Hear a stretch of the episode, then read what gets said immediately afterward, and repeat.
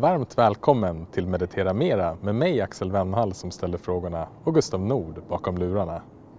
Vi är på väg hem till Camilla Sköld för ett kärt återbesök i podden och vi ska prata om meditation och trauma.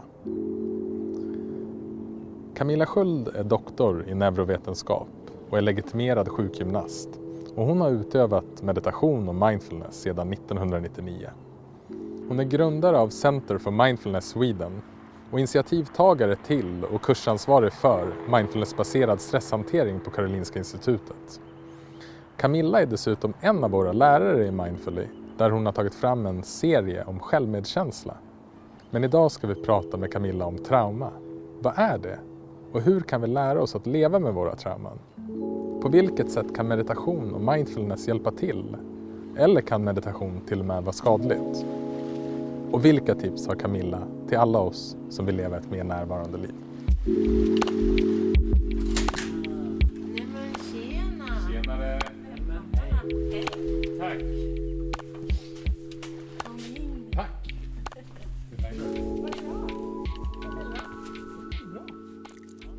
Hej Camilla! Hej! Tack för att vi fick komma hem till dig idag. Ja, ni är så välkomna. Vi ska ju prata om meditation, mindfulness och trauma idag. Men innan vi sätter igång så tänkte jag att vi ska ha en landningsmeditation. Som du och jag och Gustav kan göra här hemma i ditt vardagsrum. När vi sitter här i soffan och eh, du sitter på en stol mitt framför oss. Och eh, den här meditationen är såklart även för de som lyssnar. Det här är en meditation som man kan göra egentligen vart man än befinner sig. Och du som lyssnar kanske är ute och går, sitter på en buss eller på ett tåg. Så vänd bara din uppmärksamhet mot ljuden som du hör. Så den här enkla men kanske inte alltid helt lätta instruktionen att bara lyssna.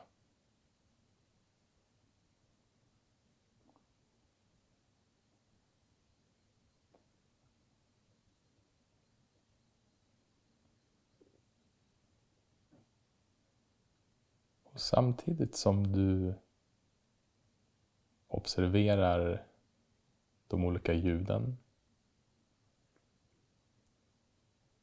så notera om du också kan lyssna till tystnaden som omger dem.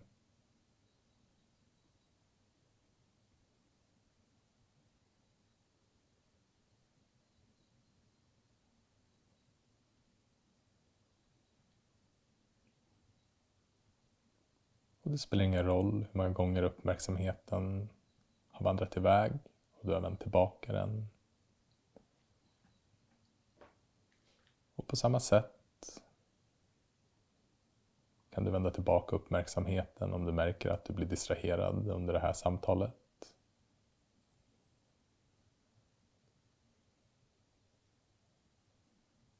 Så kan vi avsluta den här korta landningsmeditationen. Tack. Tack. Hur kommer det sig att du är intresserad av just trauma?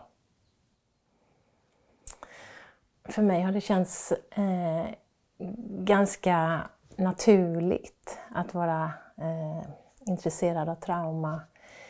Eh, I och med att jag jobbar med mindfulnessbaserade program och eh, compassion-fokuserade program så finns trauma med och närvarande. Så trauma har varit med hela tiden men eh, jag har nu, nu på senare tid fördjupat mig ännu mer i det eh, kan man säga. Och det har blivit lite tydligare vad det är som är hjälpsamt vid trauma och vad det är som kan vara mer utmanande vid trauma. Mm. Och just vad som är hjälpsamt och vad som kan vara utmanande med hjälp av mindfulness tänker jag att vi ska fördjupa oss i. Men först och främst, vad är trauma? Ja, först och främst kan man säga att eh, trauma kan ju vara att man har varit med om en traumatisk händelse.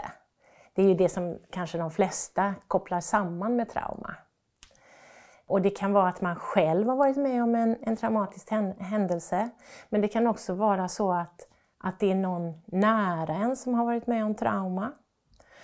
Och nu under den här perioden som har varit, vi har varit i alldeles nyligen med pandemi och så vidare, så, så kanske man, har man arbetat inom hälso och sjukvården till exempel, så, så är man med om andras trauma väldigt mycket och ser på nära håll det som man då kallar för mer sekundär traumatisering. Så det är en, en form av trauma eh, som, som är kopplat till en händelse eller flera händelser. Men sen så finns det också en annan form av trauma som man kanske inte pratar om lika mycket men som är, kan vara ett trauma som man har varit med om under lång tid. Eh, man kallar det ibland för typ 2-trauma eh, när man har kanske under sin uppväxt eh, utsatts för mer eller mindre omfattande trauma och det kan vara i form av, inte sällan om man har missbruk i familjen och så vidare och, och, det kan komma till uttryck, har kommit till uttryck i en form av att man, man inte har blivit sedd eller fått det man har behövt och så vidare. Och när det är många sådana händelser under många år så är det, eh, ja, eh, ansamlas det och det är dramatiskt. Mm. Jag, säga. Mm. jag läste någonstans att ordet trauma betyder sår. Ja. Och att um, är det så att på ett sätt att trauma är sår som vi får någon gång under vårt liv och som inte riktigt blir läkt? Mm. Mm, ja men absolut. Och det är inte alltid så att vi inte riktigt är i kontakt. Vi kanske har det pågått länge så är, det, är vi så vana vid det så vi nästan inte är medvetna om att det kanske är traumatiskt för oss. För mm. det har blivit som en... Ja, ja, men det är så som vi alltid har levt så vi vet inte riktigt att det är ett trauma. Men, men som kan börja, vi kan börja få syn på när vi eh, börjar eh, vara medvetet närvarande så kan, det, kan de börja dyka upp. Just det, så att börja meditera kan få en att upptäcka också att man har bär på ett trauma? Precis, absolut. Mm. Mm. Det gör det ju. Det finns ju en stor omedvetenhet om, om trauma och jag tror i och för sig att många som arbetar mer på djupet som inom med terapi och, och så vidare eh, och jobbar med sådana här program som jag jobbar med är ju mer medvetna om att, att bakom mycket av det som kommer till uttryck på annat sätt såsom beroende eller andra typer av sjukdomar också väldigt ofta har trauma i botten. Mm. Mm. Om man lyssnar till det här och så är man lite osäker på om man har ett trauma med sig. Hur kan, ett, um, hur kan det återaktiveras i form till exempel om man mediterar eller vid en annan situation? Vad finns det för signaler eller? Det kan ju återaktiveras när vi övar olika med, gör olika meditativa övningar och inte minst när man börjar rikta kärleksfullhet till sig själv så, så kan traumat börja, trauman börja framträda. För man uttry brukar uttrycka det ibland som att det finns ingenting som avtäcker bristen på kärlek så mycket som kärl när man ger kärlek. Så när vi ger oss själva kärlek så kommer vi i kontakt med alla de gånger vi inte har fått kärlek eller kärlek i olika former, att vi inte har fått det vi har behövt i ett enskilt ögonblick. Så det, det avtäcker våra trauman. Eh, mm. Samtidigt som, som det också naturligtvis är det hjälpsamma. Så att det, det är hur vi kan arbeta med hur vi möter traumat. Så det är ju både att det aktiverar, kan aktivera gamla trauman, men det kan också hjälpa till att läka gamla, gamla trauman. Mm. Mm. Och, och, det viktiga här är väl också definitionen att det kan aktivera och läka men det kan inte egentligen skapa ett trauma utan, Utan att det snarare är att vi upptäcker någonting som fanns i oss. Precis. Det är alldeles rätt. Att det övningarna eller det vi gör kan inte skapa trauman utan det, det kan bara avtäcka det som redan finns. Mm. Men För jag tänker att det här samtalet är så viktigt och intressant för att en av instruktionerna i meditation och som vi använder i appen bland annat är ju att det handlar inte om vad vi upplever utan hur vi relaterar eller hur vi förhåller oss till det vi upplever. Och, men sen verkar det då att det finns situationer där det inte riktigt går att relatera till det vi upplever utan att vi hamnar i någon sorts frys eller eh, kämpaläge. Att där kroppen på något sätt spänner sig eller vi tappar helt enkelt den medvetna kontrollen. Ja, absolut. Så jag tänker att det som jag tror skulle vara väldigt värdefullt i den här diskussionen och det jag är väldigt nyfiken på också är, är att vi tillsammans utforskar, okej okay, men hur kan vi ändå arbeta och, och finns det situationer då vi kanske behöver ta bort meditationen till exempel? Och, och, eller hur kan vi använda meditationen på ett så skickligt sätt som möjligt när det här, Mm. eh, när det här händer? Och på samma sätt, det som kan avtäcka kan också läka. Mm. För det är det jag tänker är nyckeln, att vi vill komma till den läkningen. Absolut. Mm. Och att vi kanske kan röra oss i ett lite vidare spann, att även om trauma har en del så att möta så kallade negativa eller jobbiga upplevelser är ju en del för alla som praktiserar meditation. Absolut. Mm. Och det man brukar prata om i, är att det finns en, en eh, teori som, som kallas för polyvagalteorin Eh, av en som heter Stephen, Stephen Porges som, som pratar om det här och pratar om eh, hur vi kan röra oss i vårt toleransfönster. Så när vi utövar meditation, eller, och det kan ju aktiveras i andra sammanhang också, men om vi tar när vi utövar olika meditativa övningar, att se kan jag röra mig inom mitt toleransfönster och närma mig gränsen för mitt toleransfönster. För då kommer, då kommer mitt toleransfönster så småningom att vidgas så att mitt toleransfönster blir vidare. Sen så kan vi helt plötsligt, för det här är, och jag tyckte att du var inne på och frågade efter det lite grann också, men att vi helt plötsligt kan hamna utanför vårt toleransfönster. För det är ju automatiska skyddsmekanismer som är, finns i oss och det är ju det är ju rent neurologiskt så att vi helt plötsligt kan hamna utanför vårt fönster och då, då slår de, de systemen till kan man säga. Mm. Och det ena är ju att vi blir överaktiverade eller eh, och det är ju det som när vårt hotsystem slår till så att, att vi antingen går i kamp med eller vi eh, flyr ifrån det som vi träffar på. Och det tar ju sig till olika uttryck eh, och vi, när vi vänder det inåt så är det ju inte att vi vi kan ju inte kanske springa ifrån oss själva utan vi försöker inom oss springa ifrån oss själva. Och ett sätt att springa ifrån sig själv kan, kan ju till exempel vara att eh, ja, eh, stänga ner eller, eller och så vidare. Eh, eller om vi går till attack mot oss själva som vi gör när vi till exempel börjar kritisera oss själva. Mm. Mm.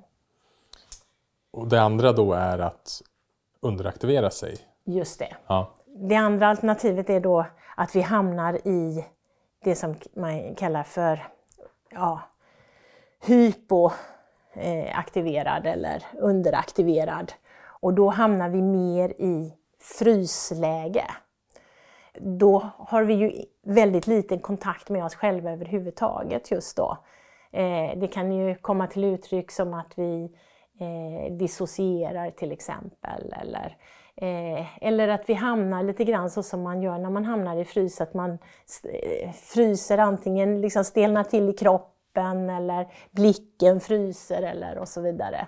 Så det kan ja, bli en, en underaktivering helt enkelt. Mm. Och det är hur vi, kan, hur vi möter det i oss själva och i en grupp hos någon annan om man leder en grupp eh, är ju på lite olika sätt eh, beroende på om man är hyperaktiverad eller hypoaktiverad. Då. Just det. Mm. Och, och vad finns det då för olika sätt eller metoder för att kunna möta de här två olika eh, över och under när det väl händer? Eh, ja, är man, är man mer i fight och, eller i flykt och, och kampsituation så att det är vårt hotsystem som är aktiverat så, så kan man säga att generellt sett att försöka grunda sig, kanske kontakt med, med underlaget och i första, första hand man kanske prövar att vara i kontakt i, i sin egen kropp. Men är man fortfarande för aktiverad för att vara i sin egen kropp så kan det vara så att vi behöver rikta vår uppmärksamhet utanför oss själva. Fokuserad uppmärksamhet utanför oss själva är hjälpsamt, eller fokuserad uppmärksamhet överhuvudtaget är hjälpsamt. Och ju längre ifrån det aktiverade stället man eh, riktar sin uppmärksamhet, desto mer tenderar det att lugna sig. Så är man aktiverad till exempel i andningen som är väldigt vanligt att man blir aktiverad i när man eh, till exempel eh, kommer i kontakt med trauma och kanske rädsla och så vidare, så är oftast andningen inblandad och då kan, man, då kan det vara att bara flytta eh, uppmärksamheten någon annanstans än, än i andningen. kan vara hjälpsamt. Någon annanstans i kroppen eller i kroppens kontakt med omgivningen, eh, med golvet eller med stolen och så vidare. Och lugnar det sig inte då heller så kan man flytta uppmärksamheten utanför kroppen. Titta på något, lyssna till någonting. Mm.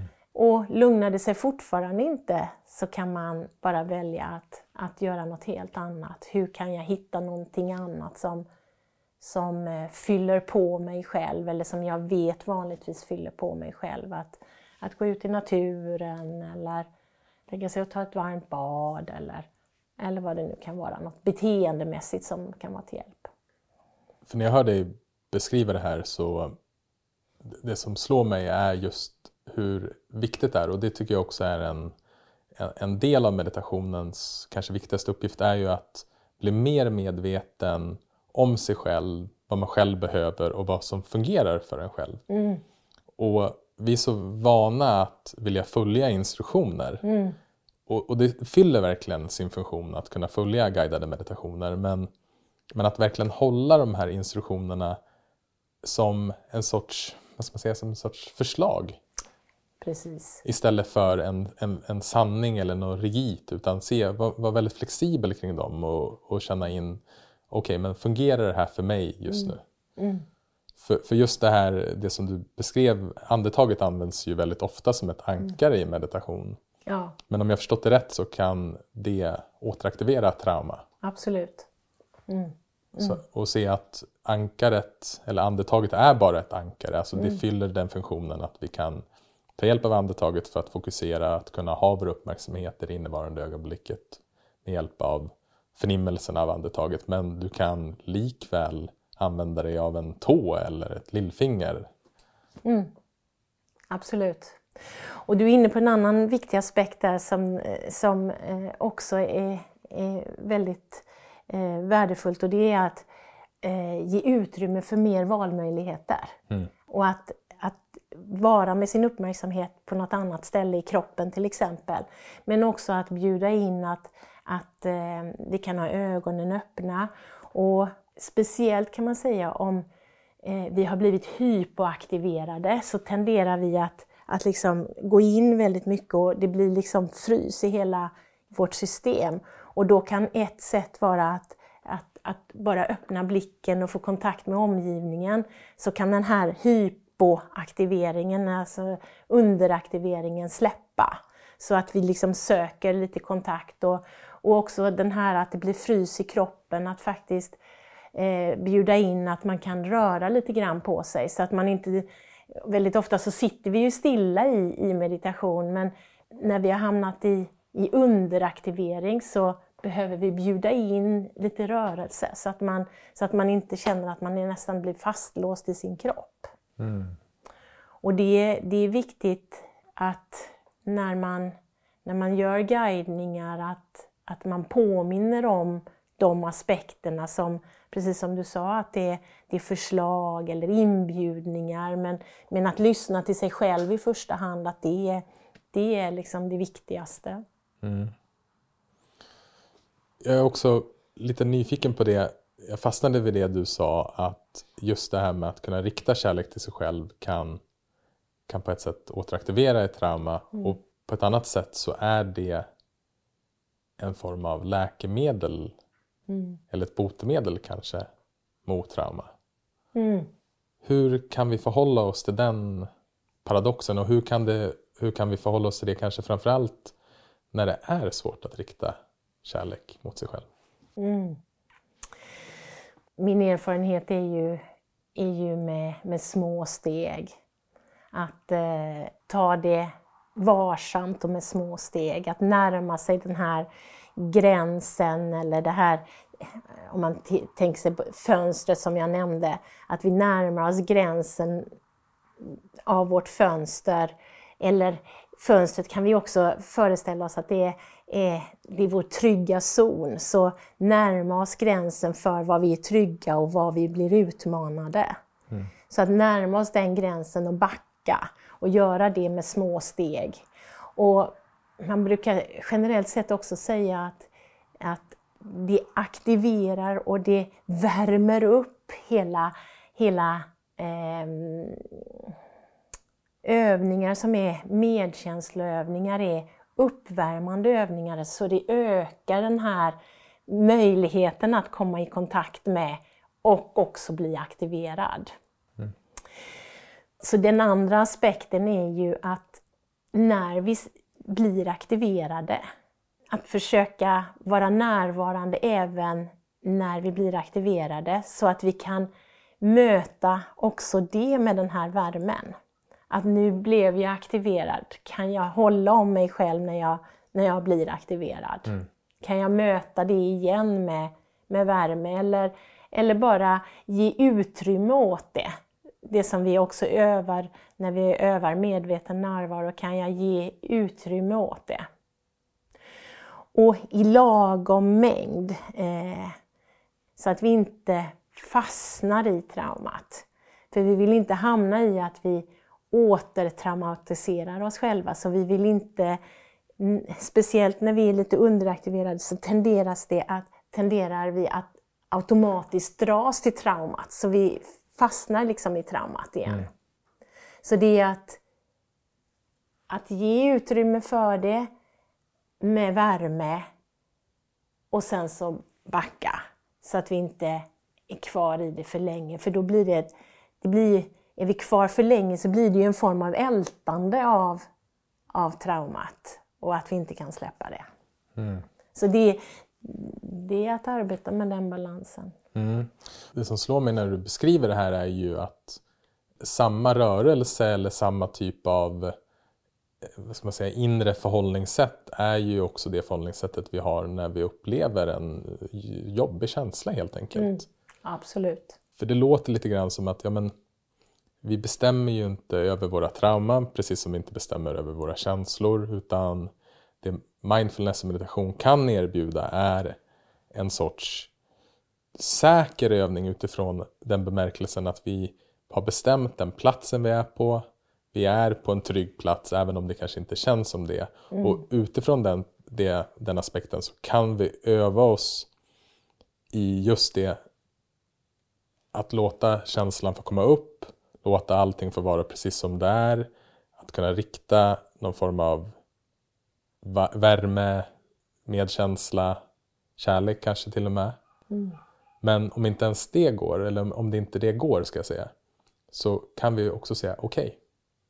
Och i det, i det okejet, i den tillåtelsen, så är det också en definition av kärlek. Absolut.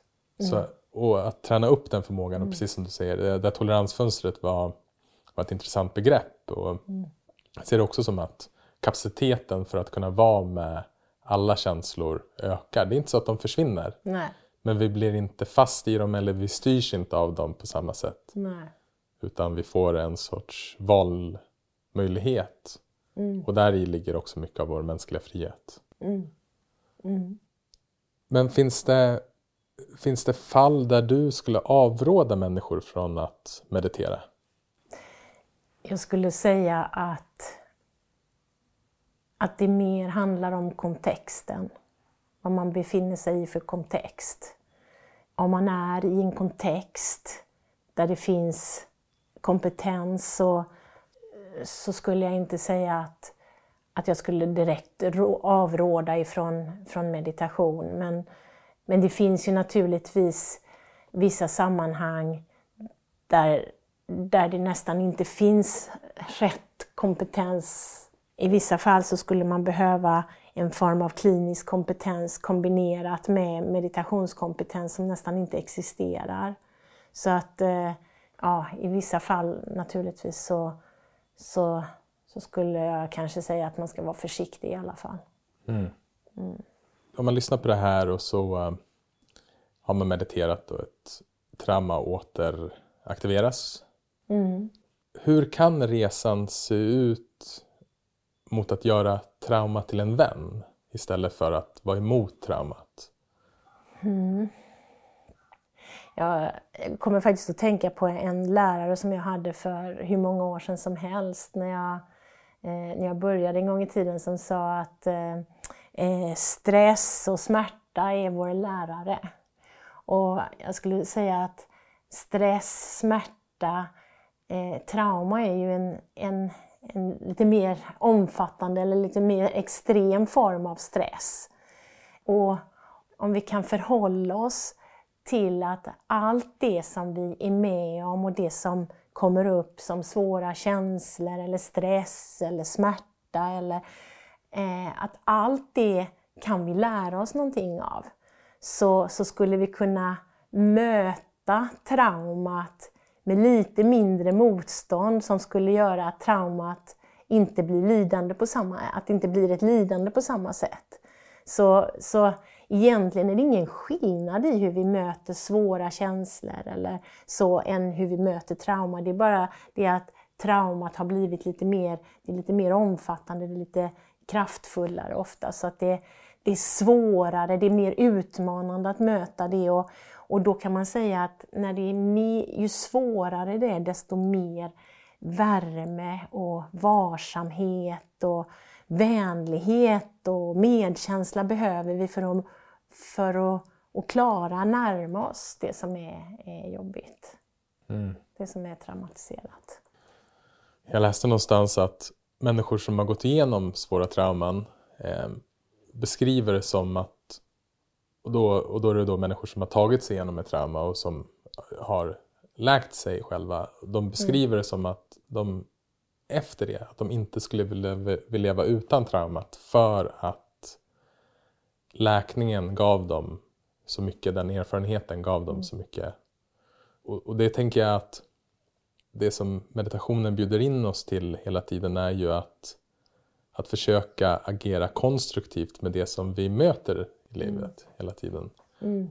Och att se hur kan vi minska på vårt motstånd som tyvärr inte hjälper. Nej. Det går liksom inte att komma runt det. Och det oavsett om det är kriget i Ukraina, ett trauma som vi upplevt eller bara att vi är nervösa inför en dejt. Så det mm. är vad som är. Mm, absolut.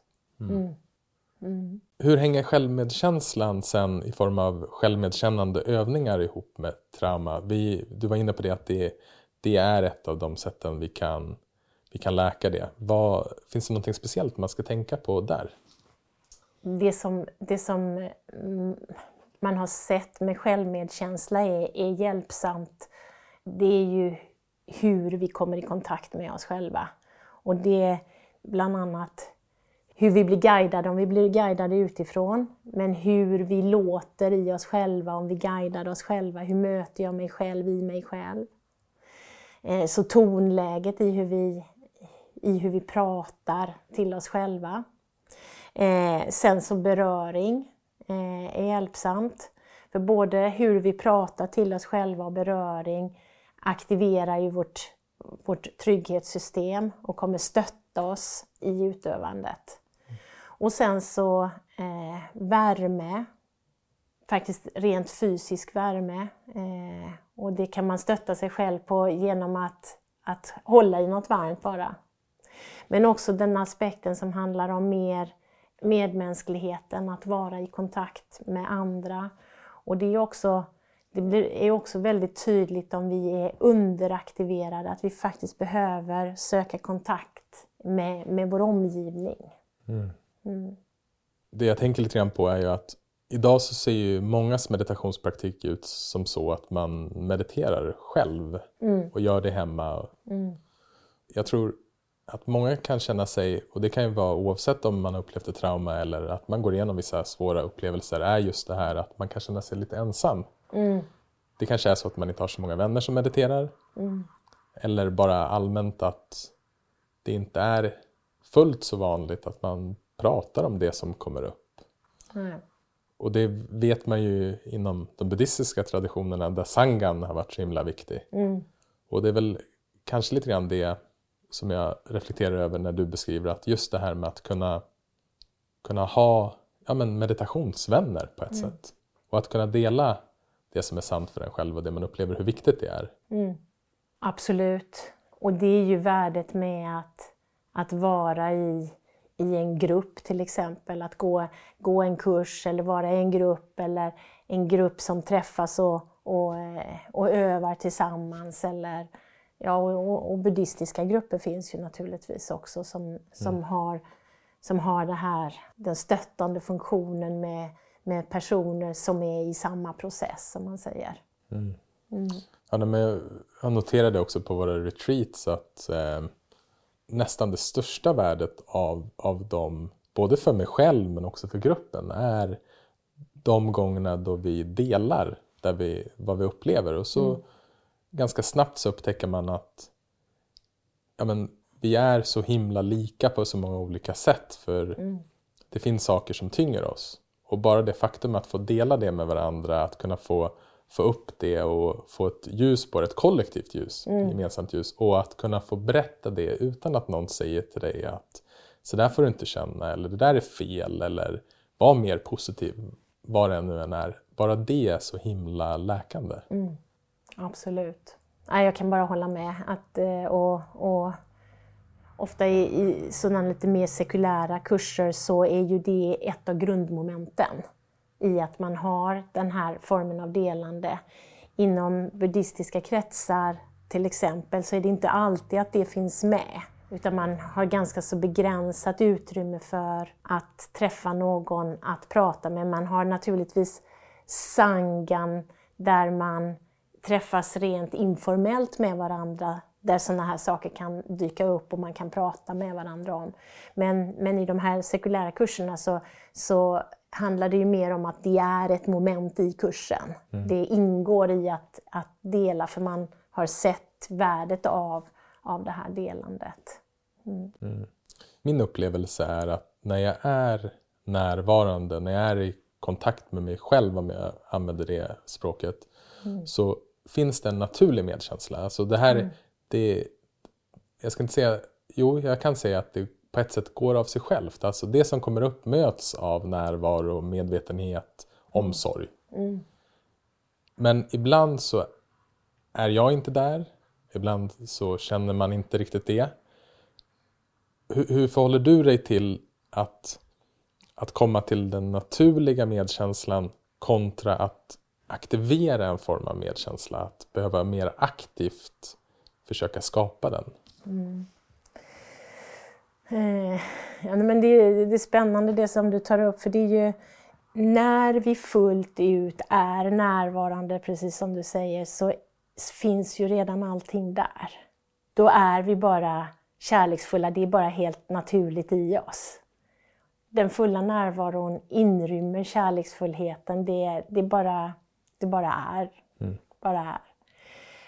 Men precis som du säger så är det ju väldigt ofta som vi på något sätt är i vägen för oss själva. Så det är precis som att vi går omvägen. Alltså att, att göra en medkänsloövning är att gå omvägen för att komma i, i, kon- göra en övning för att komma i kontakt med det som vi redan är innerst inne.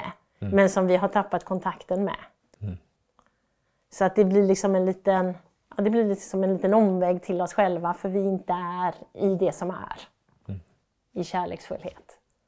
För det är min upplevelse också att när, när vi väl är där så bara det är en självklarhet. Då bara det är. I kärlek. Och är det inte lite så att problemet allt som oftast är just det här motståndet? Att det, det kommer, man kommer, möter någonting, en känsla, så här, man, har man den här, man har den här attityden som är så här, åh nej, nej, nej, nej.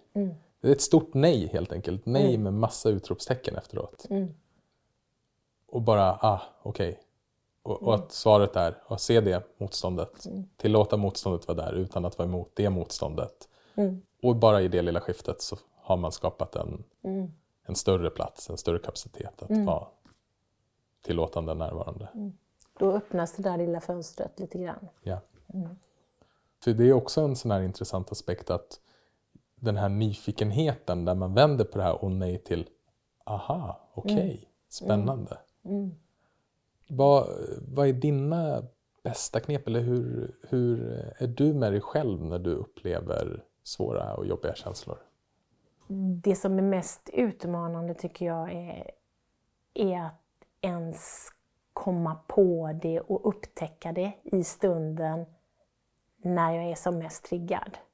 Det är ju den största utmaningen upplever jag. Har jag väl märkt att jag hamnat i motstånd eller är aktiverad så då är, då är liksom jag är redan på spåret.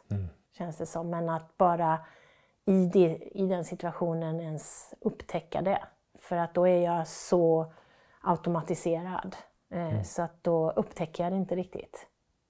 Och det, tycker, det upplever jag att, eh, och det är inte bara min egen erfarenhet utan med att ha lett grupper i många år, att jag känner igen hos andra deltagare som har delat med sig av att ens utövande hjälper ju en att få syn på det här tidigare. Så att det är några fler gånger som jag fångar mig själv tidigare. Mm.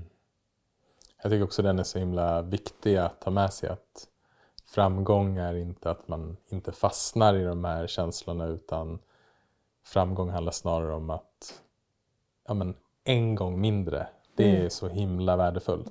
Eller, eller en kortare period. Jag själv har haft en, faktiskt en ganska lång period där jag har ja, men, jag vet inte vad är svenska ord är, men jag har liksom känt mig lite orolig, känt mig lite off. Det är det bästa sättet att beskriva det. Och så nu har det, har det börjat vänt och så är liksom, precis där du sa att man kommer i kontakt med, med det här. Och, och det jag upptäckte är att det har funnits ett, att det stora problemet har egentligen inte varit att det har varit känslor av oro, av ibland lite ångest eller att man känner sig lite off. Utan det stora problemet i mitt fall har varit att men, jag har varit emot det. Det har varit en känsla av så här borde det inte vara. Nej. Och just det här, det här, så här borde det inte vara, gör ju på något sätt att man håller locket på på de här känslorna. Absolut. Det är där, där skapar man, jag kan ju inte kontrollera att det uppstår känslor av oro eller ångest. Nej. Och min erfarenhet är också att det där kan vara subtil, ännu mer subtilt. Det kan vara man nästan inte upptäcker att man är emot utan det är inte, inte nu eller inte precis så här. Eller det, det är liksom små nyanser som gör att, att man är... Men man, man går inte riktigt med på som det är. Det är inte okej att det är precis som det är. För det är, det är det är det vi behöver för att ge utrymme för oss själva på något sätt. Ja, men det, det krävs en form av, för acceptans är ju, den, den behöver vara radikal i den, det sättet att den behöver vara okej, om det är så här resten av mitt liv så är det okej.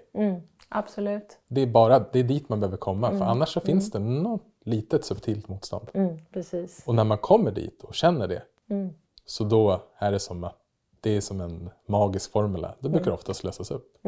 Eller så är det så här, okej. Det, det är liksom i alla fall problemet försvann. Känslan kan vara kvar men problemet försvann. Mm.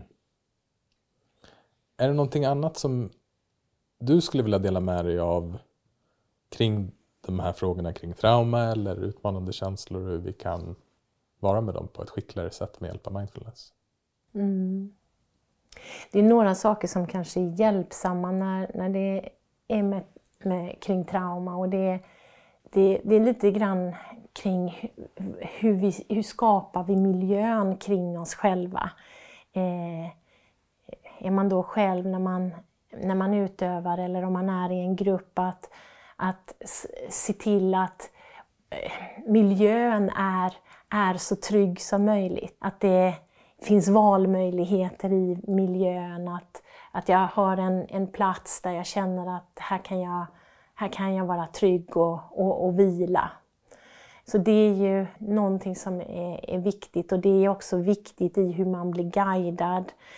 Och bara koppla tillbaka till det vi sa tidigare där att, att, eh, eh, att det, är in, det är verkligen inbjudningar och det man känner och upplever själv är viktigast. Mm. Så att lyssna på det och att möta det och möta det som är, som är utmanande för oss eh, med, den här, med så mycket värme och eh, medkänsla som möjligt.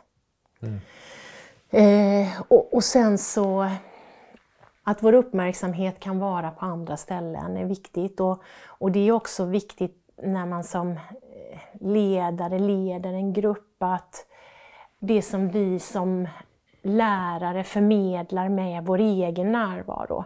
Hur kan jag, när jag har grupp, om jag vet att, att har man en grupp på, på 20 personer så är det säkert minst två personer där som sitter med trauma till och från.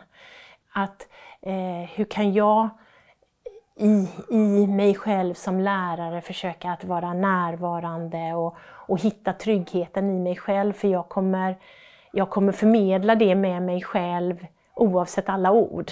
Så hur jag förkroppsligar, eller det som man använder på engelska, embody, närvaron och tryggheten kommer kännas av den andra.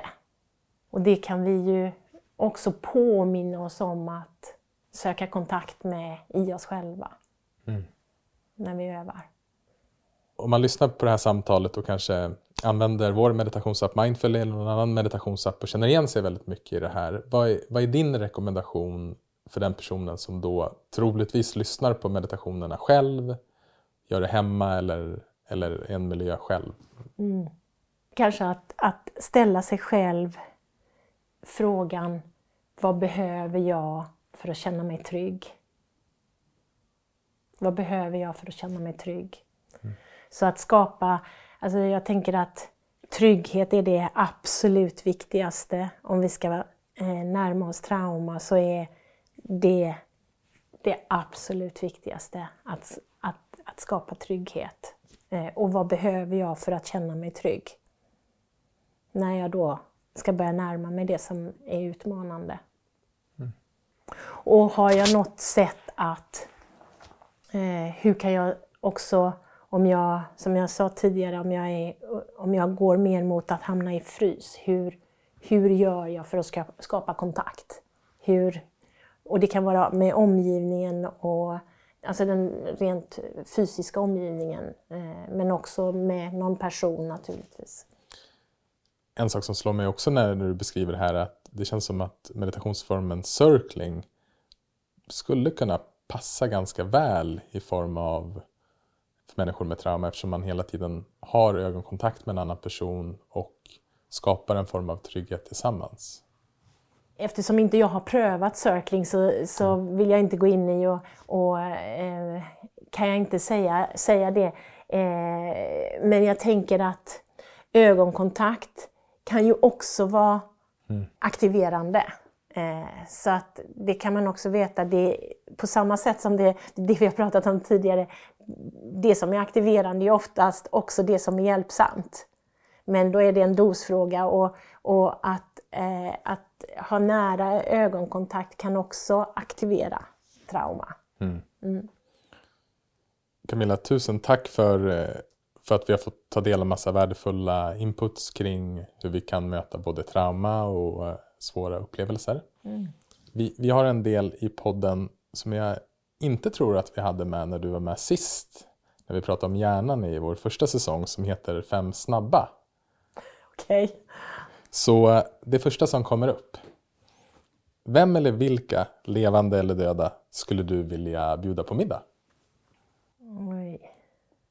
Ja, det hade nog varit roligt att ha både Jesus och Buddha med. och eh, det hade varit roligt att ha min farmor där. Och så eh, skulle jag nog vilja ha min första pojkväns mamma med. Ehm, är det någon mer jag spontant skulle vilja ha med? Men det blir nog en, en fin samling tror jag. Mm, jag hör det. När var du ledsen senast? Åh, typ igår tror jag. Ja men eh, tillsammans med min dotter, och hon är 17 år, snart 18 och ledsen på, ibland på att saker och ting är jobbigt och utmanande och ledsen för att eh, liksom mer glädjefullt ledsen för att hon är fin och jag får ta del av hennes liv. Och, ja, nej, men, alltså det, åh, det är liksom, eh, känner jag är den största gåvan till, till att vara närvarande och, och, och, och också hoppas jag och tror på att jag faktiskt blir en bättre människa eh, med att liksom utmanas av min dotter. Liksom. Att det, mm. Vilken bok eller eh, dokumentär skulle du vilja tipsa om? Ja, dokumentär är faktiskt den som jag tipsade dig om eh, med, med Gabor Maté. Eh, Den, ja, den blev jag väldigt starkt berörd av. Det, den, den ligger nyligen i minnet. Det finns, finns anna- annat som är bra också men den, den, den ligger tydligt framme för mig. Mm. Ja, den, den var verkligen fantastisk. Ja. Vi kanske kan länka den i avsnittet. Mm. Vad är du tacksam för just nu? mötet med er. Det är jättetrivsamt fastän jag, som jag sa eh, när vi började, att eh, men, det kändes lite eh, trevande och lite, jag var lite eh, nervös för det här, eh, den här eh, mötet eh, kring trauma. Att prata om tra- trauma. Så, ehm, Tack själv. ja, Tack själv. tack. Sista frågan. Vilket är det bästa rådet du fått? Eh, Vilket är det bästa rådet jag fått? Nej, det dyker inte upp någonting speciellt just nu. Faktiskt. Det är nog svaret. Fullgott svar. Ja. Som avslutning på vårt samtal så ska du få leda en övning. Mm. Så jag tänker jag lämnar över eh, ordet till dig. Mm. Okej. Då tänker jag att eh, vi eh, bara kan sätta oss bekvämt. Eller om du faktiskt föredrar att lägga dig ner så lägg dig ner om du känner att du skulle vilja göra det. En ställning som är så bekväm som möjligt. Och du kan välja om du vill ha dina ögon öppna eller, eller slutna. Och att, eh, och att komma ihåg att mina guidningar är inbjudningar och att i första hand lyssna till dig själv. Så eh, vi kan bara börja med att, att landa in i kroppen. Känna hur du sitter eller om du har valt att lägga dig.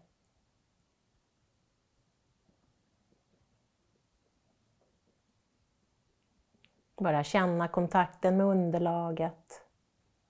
Förankringen neråt. Rotningen.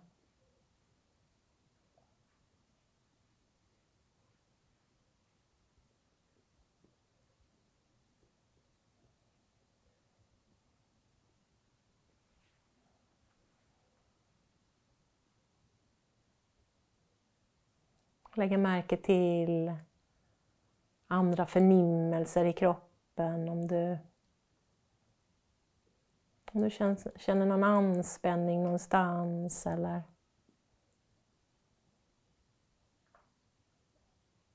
något annat som känns. En känsla som kanske kommer till uttryck i kroppen.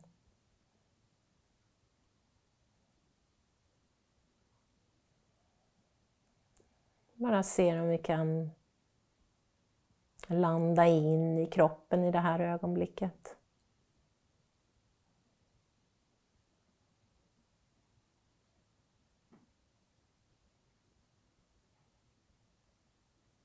Uppmärksamma vad som pågår i, i sinnet, tankar och känslor.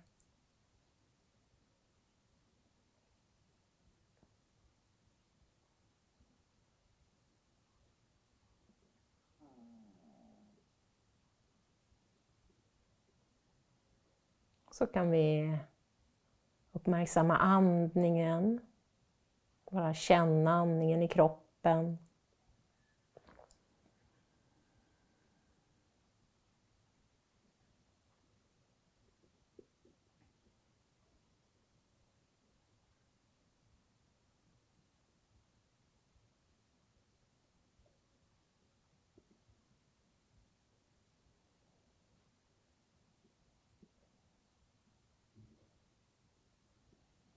Börja med att rikta uppmärksamheten lite mer till inandningen.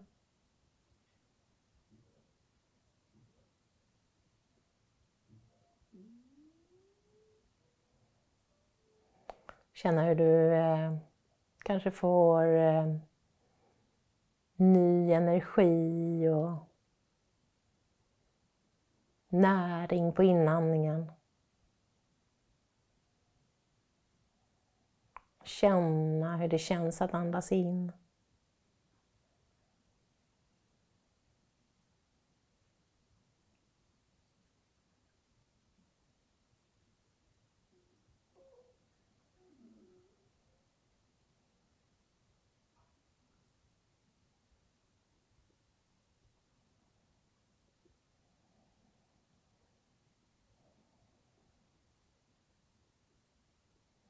Och om du vill så kan du låta varje inandetag bära med sig något ord, någonting som du eh, skulle vilja ge till dig själv eller någonting som du behöver just nu.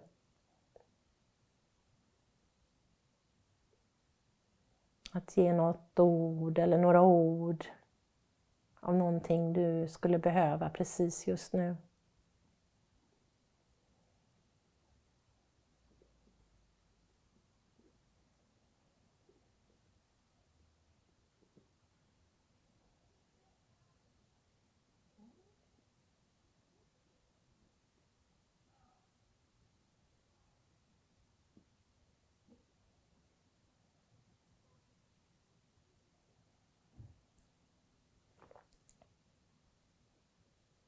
Och så kan vi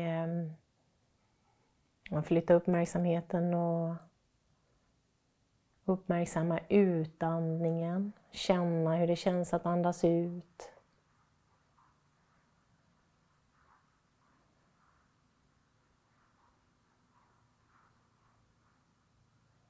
Kanske lättnaden och inbjudan att, att mjukna, släppa efter en aning.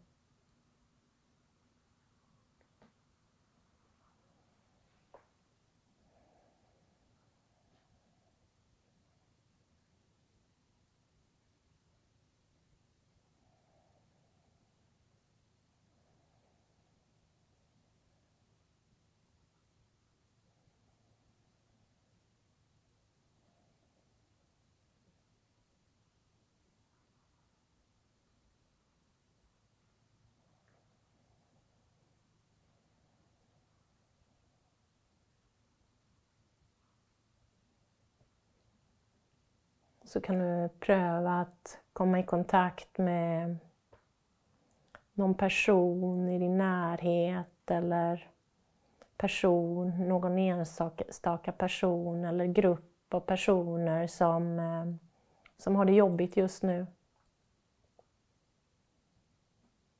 Och som eh, du skulle vilja erbjuda en lättnad eller möjlighet att släppa efter, mjukna.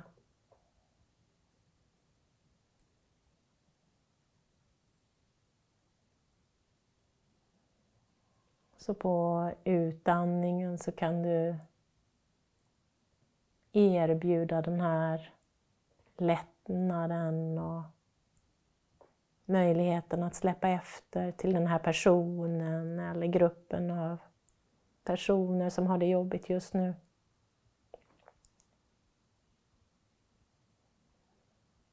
Kanske erbjuda dem eh,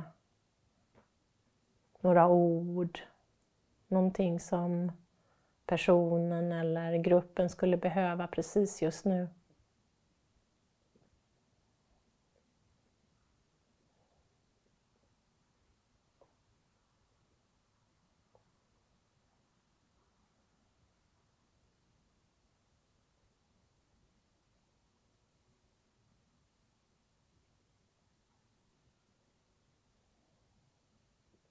Och så kan vi pröva att lägga den ena handen över bröstet och låta den andra handen ligga med handflatan upp. På, kanske på knät eller i knät. Bara känner beröringen av, av dina händer. Och rikta nu uppmärksamheten till både till inandningen och utandningen. Andas in till dig själv. Fyller på dig själv med det som du behöver. Nytt syre, ny energi. Kanske några ord av, eh,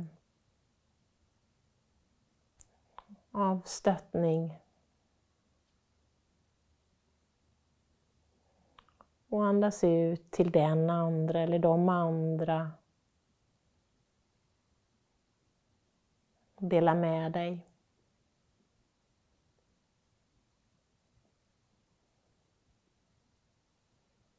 In till mig och ut till dig eller till er.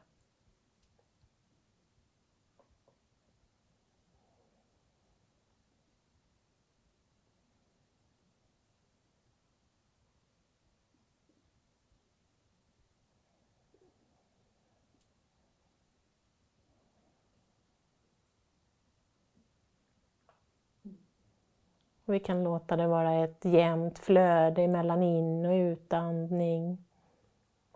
Eller om det är så att du själv behöver lite mer, att fylla på dig själv mer och fokusera mer på inandningen. Och om du har mycket att ge, att fokusera mer på utandningen.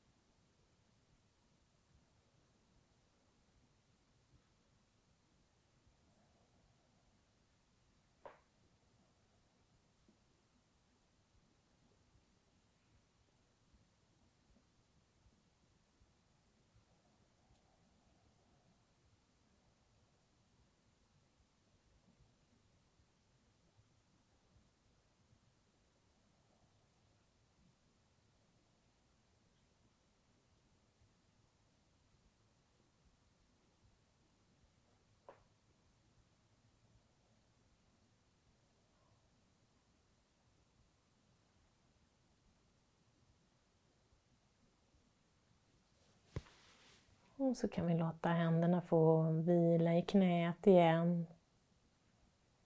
Bara känna hur det känns när vi tar bort händerna. Tillåta dig själv att känna det du känner. Tillåta dig själv att få vara precis som du är. Vara den du är.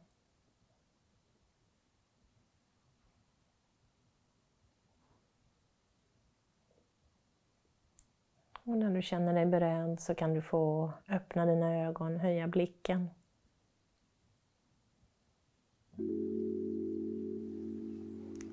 Tack.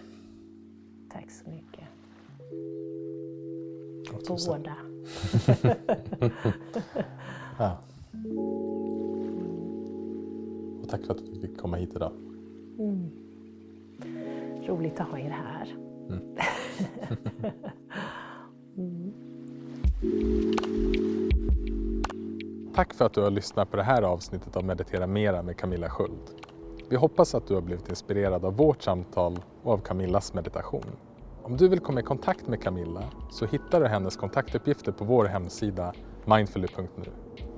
Du hittar även hennes meditationsserie om självmedkänsla i Mindfully under fliken meditation och serier.